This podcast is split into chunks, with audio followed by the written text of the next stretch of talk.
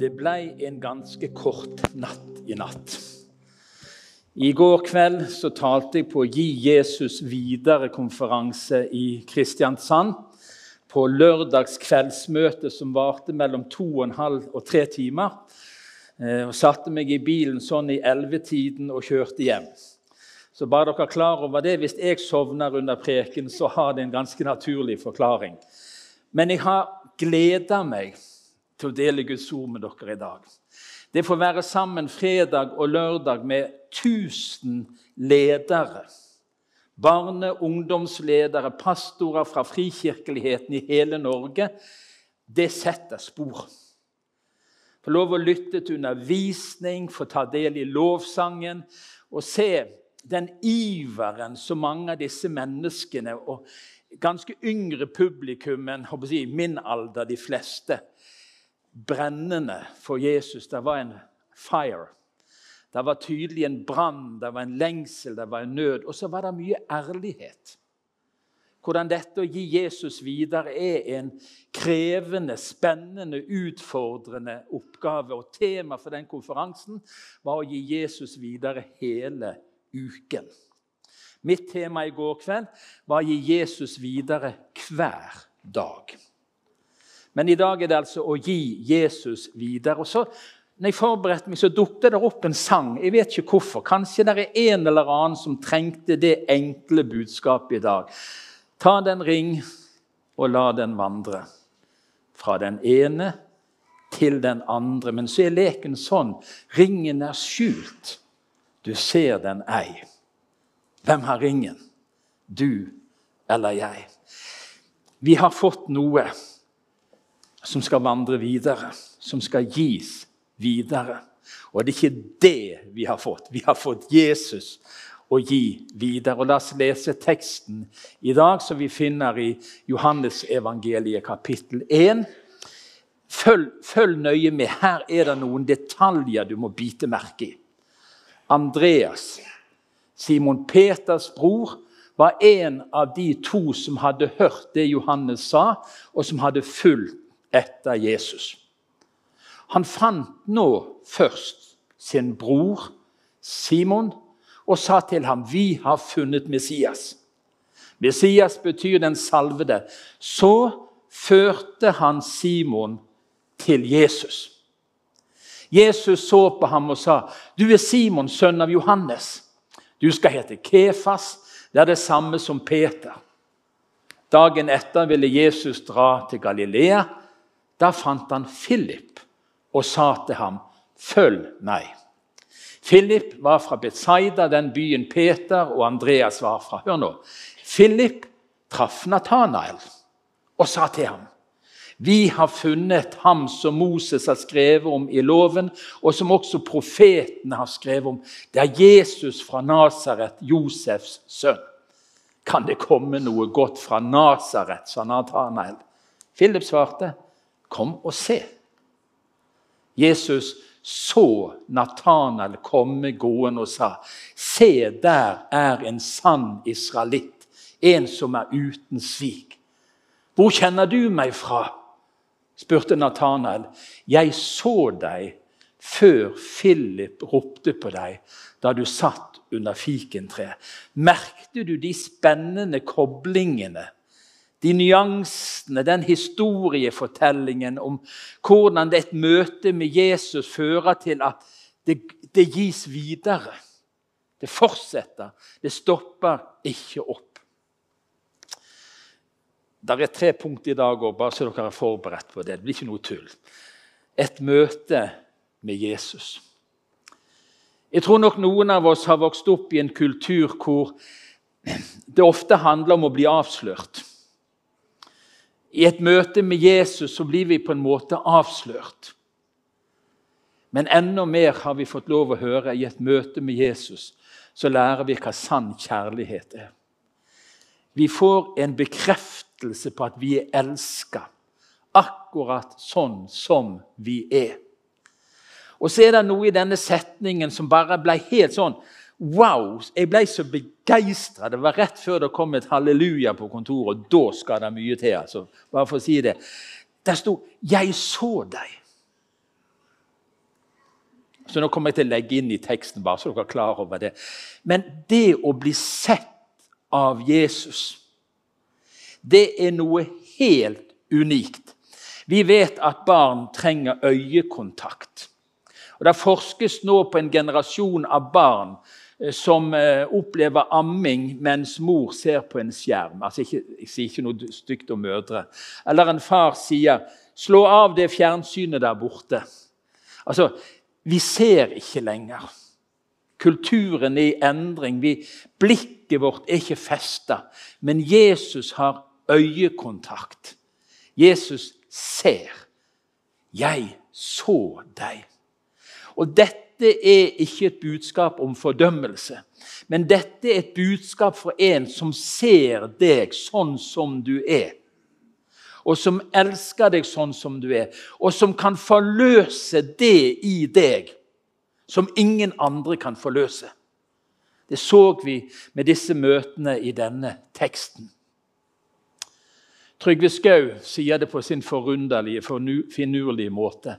Du ser så mye i meg som ikke finnes hvis ikke du ser det.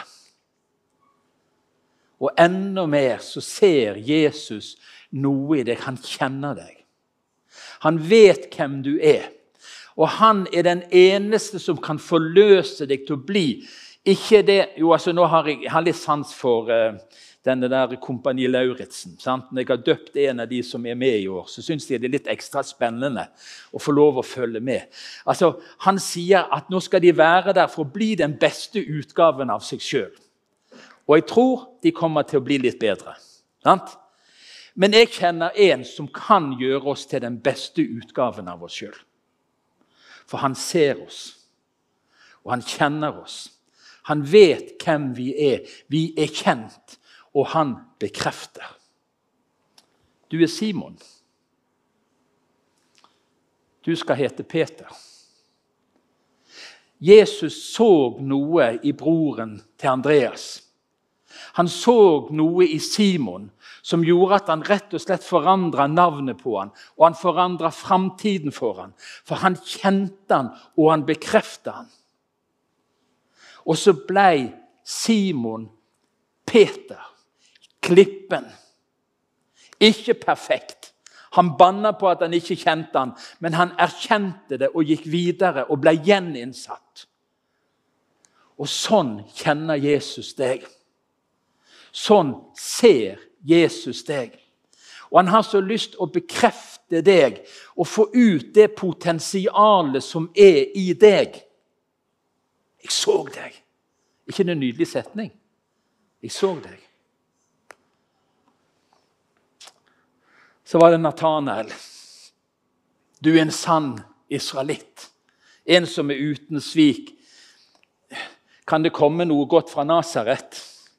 Philip fant altså en kompis, en skeptiker. Jeg ser Der sitter noen skeptikere her. Jeg kan se det på ansiktsuttrykk og kroppsspråket. Sant? Bare slipp armene ned og senk skuldrene og vær til stede. Sant? Kan det komme noe godt fra Nasaret?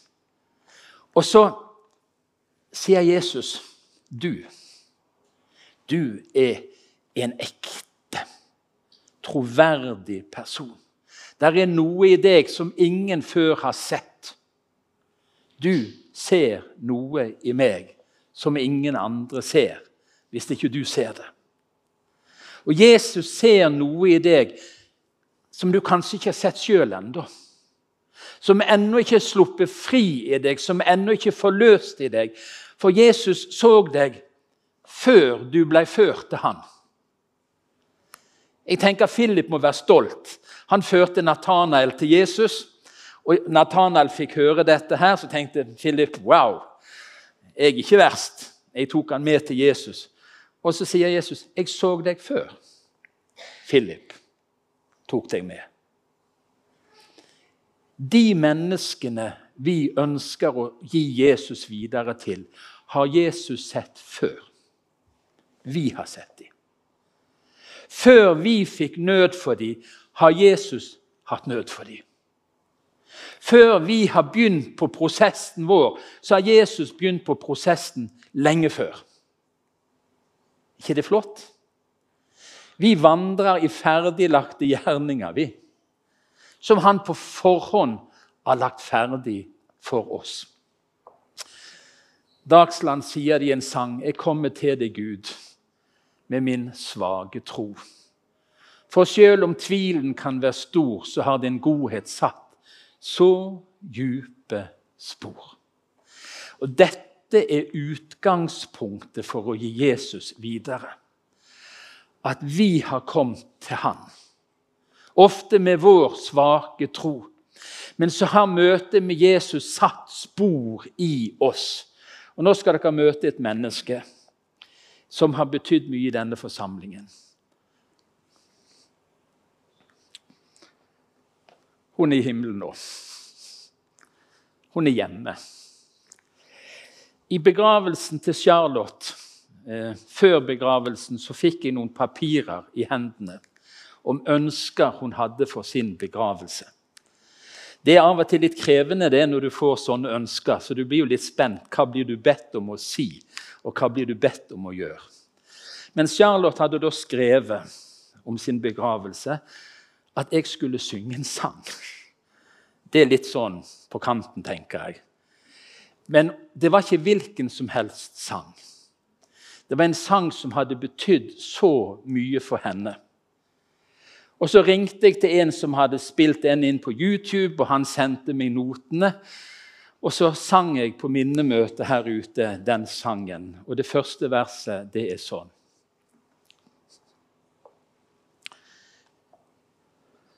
Jeg, nå er det Charlotte, sant, har funnet en skatt så vidunderlig skjønn, ja, fullkommen tilfreds er min sjel. Og nå er det mitt høyeste ønske og bønn at i skatten du òg må få del. Denne skatten er min kjære forløser, som på korstre ofret sitt blod. Nå hviler jeg trygt i det fullbrakte verk. Jeg er renset i livskilden i livskildens flod. Charlotte hadde funnet en skatt. Troen hadde satt så dype spor. På en sånn måte at nå var hennes høyeste ønske, og vi som kjente henne, visste det. Og hennes høyeste ønske og bønn var at andre måtte få del i den skatten. Når vi skal gi Jesus videre, så snakker vi om at det er en hjemmebanefordel. Sandnes Ulf, er det noen Bryne-patrioter her? Beklager i tilfelle. Vant altså i går 2-0 over Bryne på bortebane. Sandnes Ulf har altså i denne sesongen vært bedre på bortebane enn på hjemmebane. Det er litt kritisk. For egentlig så snakker de om at de har den 13. mann med seg på laget når de er på hjemme. Nei, det må være den 12., for de er vel 11 spillere. Så de skal ha liksom den 12. med seg, og det skal være publikum som heier. Men så prøvde treneren eh, å forklare litt at når vi spiller hjemme, så binder vi oss litt på en måte. For folk, altså, De vi spiller mot, legger seg veldig lavt i presset. Så vi får på en måte ikke i gang spillet vårt. Det er noen utfordringer med det å være på hjemmebane. Og her ser dere flokken min. De 16 som er liksom den Måtte ha med det bildet. Tatt på julaften i fjor. Flokken. Og da må vi si at når vi skal snakke om hjemmebanen, så er det et tema som berører oss der det treffer oss aller nærmest. Og det kan både smerte oss, og det kan glede oss. Fordi vi har tettest på oss, velger ikke alltid det vi ønsker de skulle velge. De tror ikke alltid det vi ber om, har bedt om at de skal tro. Og leve det livet som vi tror er det beste. Så Derfor skal vi trø varsomt. Men jeg tror det er en hjemmebanefordel. Jeg husker din oppriktige tro, som først bodde i din mormor Louise, og i din mor Evnike, og jeg er overbevist om at den også bor hos deg. Se litt på det bildet. Går det an å skape en vinnerkultur? Er det mulig å prøve å arbeide og ta inn over seg at det er mulig å hjelpe de som står oss nær, til å stå der ofte alene og stå imot? Ikke bøye seg og ikke gi opp. Det var en vinnerkultur i Timoteus sin slekt. Det hadde gått fra mormor til mor til sønn. Det var bygd inn noe over tid som gjorde at Jesus ble gitt videre. Og De som forsker på dette, her, de sier at det er noen kjennetegn på de familiene, de hjemmene, de vennelagene. Eh, du som har ansvar om du er alene eller du er, der er flere i huset. Du har noen rundt deg. Det er noen ting som skaper en vinnerkultur. Og hør nå. Veldefinert tro, tydelig tro, og trospraksiser. Vi går i kirken fordi det er søndag. Det er en praksis. Sånn er det bare. Det er en del ting vi deler fordi vi tror. Det følges opp av noen praksiser. Vi gir fordi vi tror. Det er noen ting som er naturlig for oss fordi vi tror. For noen av oss så leser vi for maten. De yngre gjerne slutta med det. Men det, det, er liksom fordi vi tror at Gud velsigner. Det er noen praksiser. På sengekanten når ungene legger seg, så synger vi, og så ber vi fordi vi tror. Det får en praksis. Og så er det helt tydelig definerte bånd mellom familie og menighet. Det er en av de vinnertingene forskningen viser oss. Vi lever ikke alene med troen vår. Vi trenger storfamilien. Vi trenger den utvida familien. Vi trenger de andre voksne som kan bekrefte våre barn, og som kan se noe i dem som ikke vi alltid ser. Det er familier som er solidariske, som står der for hverandre. Det er familier, det er venner som, hvor varme relasjoner Ikke bare sannheter. Det er ikke bare sånn liksom Nei, det er varme. Det er trygghet. Og de gjør ting sammen. Dette med å skape en vinnerkultur. Og Min favorittforsker på disse tingene han fulgte 365 familier i 35 år. I 35 år. Og Spørsmålet var hvilken familie er det som gir troen videre? Og Så sier han der hvor disse forutsetningene som vi nå har lista opp, er til stede, er det mange flere enn vi trodde som vender tilbake til den troen de forlot, som regel i ungdomsårene. Og hør nå, det var nettopp en undersøkelse fra svensk frikirkelighet. To tredjedeler av de som er vokst opp i frikirken i Sverige, forlater troen som ungdommer. Og Tallene er ikke så mye bedre i Norge. Men verdens forskning sier at der hvor det er skapt noe av denne kulturen i hjemmene, så er det utrolig mange som kommer tilbake når de kommer til vett og forstand og blir voksne. Og det er så nydelig å lese for Vern vokste opp i et sånn konservativt kristent hjem. Varmt og godt. Men han fant ut at det var ikke noe for han. Så når han ble voksen, sa han jeg prøver å være liberalkristen en stund, og det funka ikke heller. Så ble han ateist. Så når han forska på disse 365 familiene i 35 år, så var han ateist. Og han forska på tro. Og Så skriver han i en bok som jeg har lest, og jeg har hørt han si det sjøl òg en søndag, en påske, gikk han inn i en kirke. Og så sa han så kom jeg hjem. Kom jeg tilbake igjen. Og det skapte en ny glede i livet hans. Og Nå er han med i menighetskor, eller han var, han døde nettopp for noen år siden. Nå var han med i menighetskor, og han var med i forskjellige ting. Og Eneste sorgen i gleden sa han, det var at min mor ikke fikk se det. Oppleve det. Som hadde bedt for meg hele livet. Vet du hva?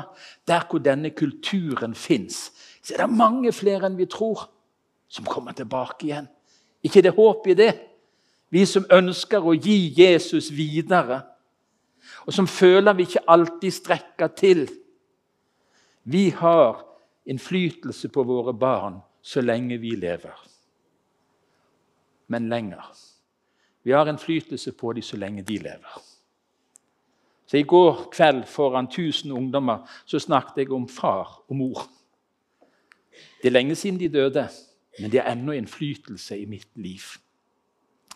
Og En av de tingene som han sier i en sånn vinnerkultursak, er hvis du har et nært forhold til foreldrene og besteforeldrene dine, er sjansen dobbelt så høy for at du vil tro og tenke det samme som dem senere i livet. Folk, hva er det som er med og gjør at Jesus går videre? Nære, fortrolige, varme relasjoner. Sannheten i ordet formidla i kjærlighet, med varme, med godhet. Jeg skal ikke si så mye om det ordet. Men vi er kalt først og fremst til omsorg for våre nærmeste. Der er begynnelsen på denne prosessen med å gi Jesus videre. Og så skal vi avslutte. Begynne. Nei, ikke, Jeg har ikke gått over tiden ennå. Takk og lov. For Nå kommer det tredje punktet. Fins det noen smitteformler? Nå har dere fått med dere det at koronaen er på full fart tilbake. sant?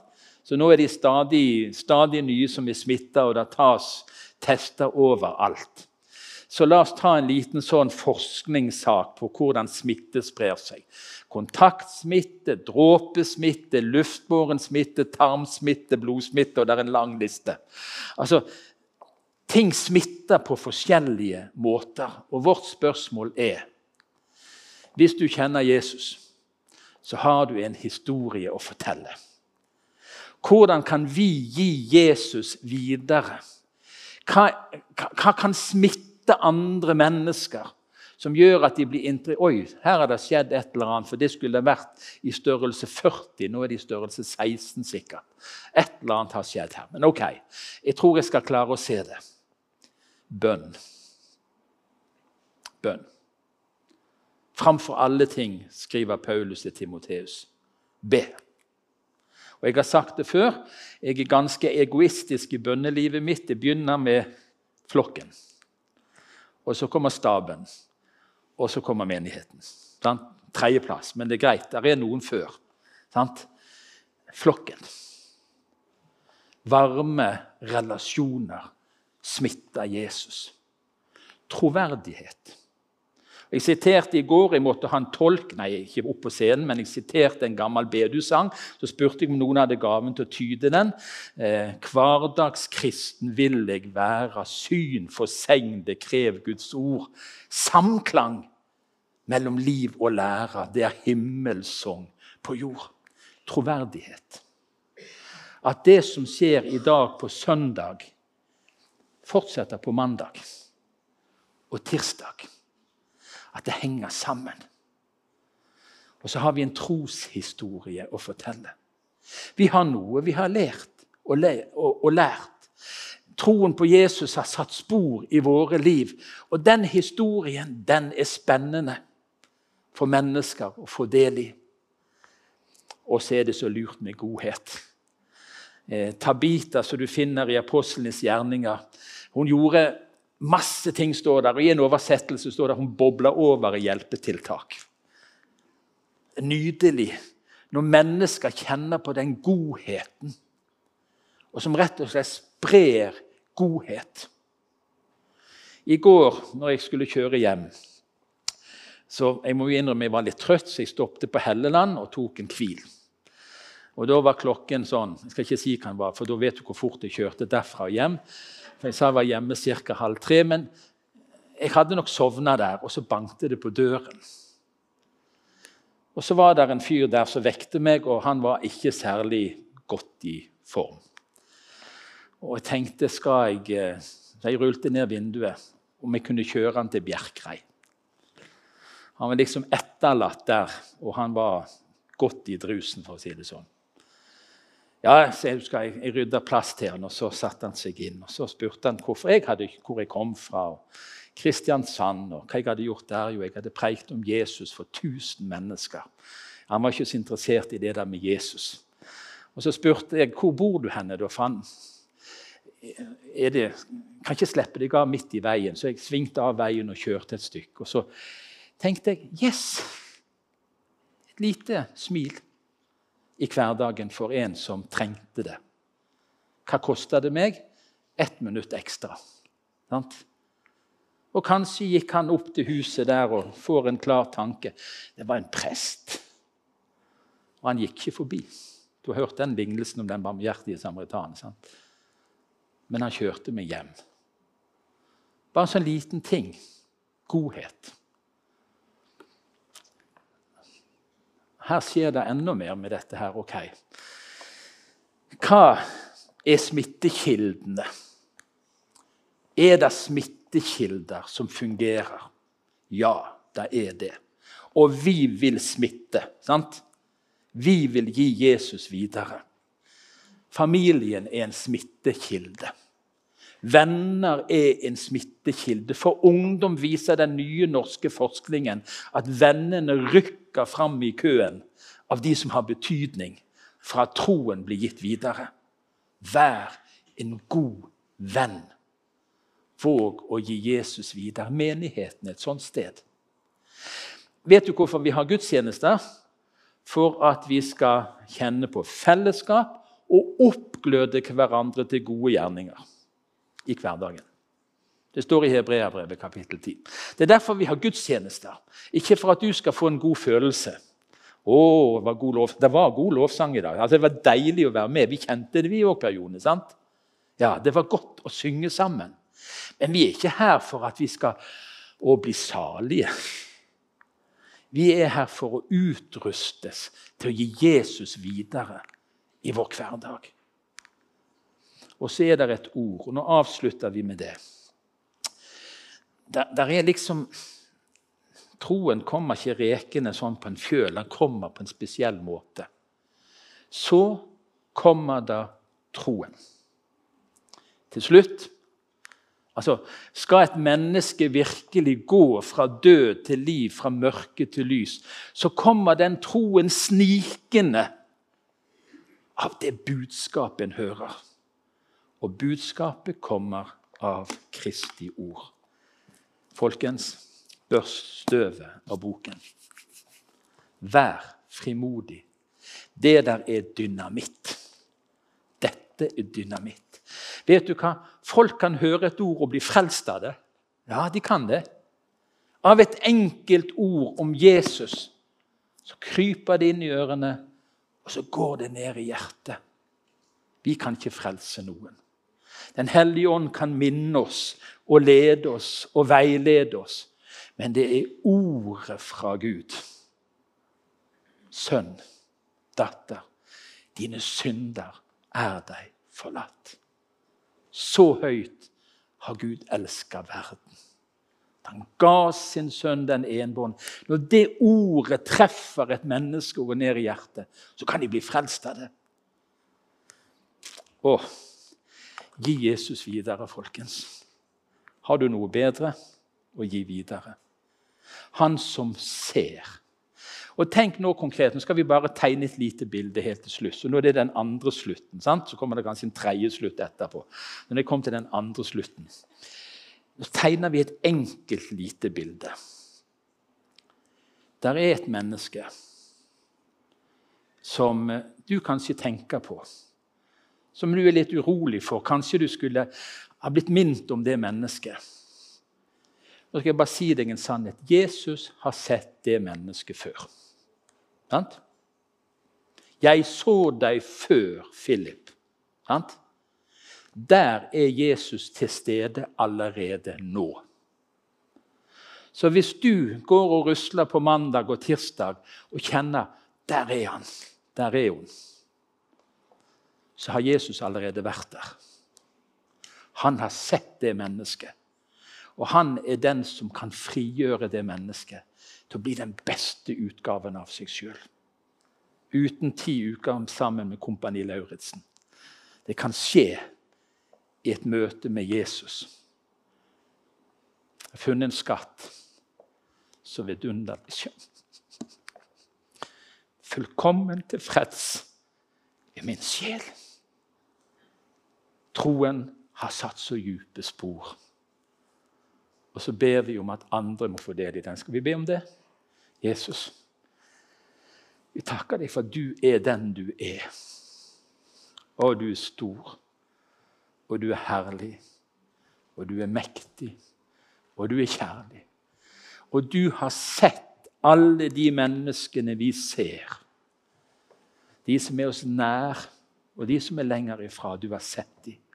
Og du har sett dem med noen øyne som ser det i dem som ingen andre ser.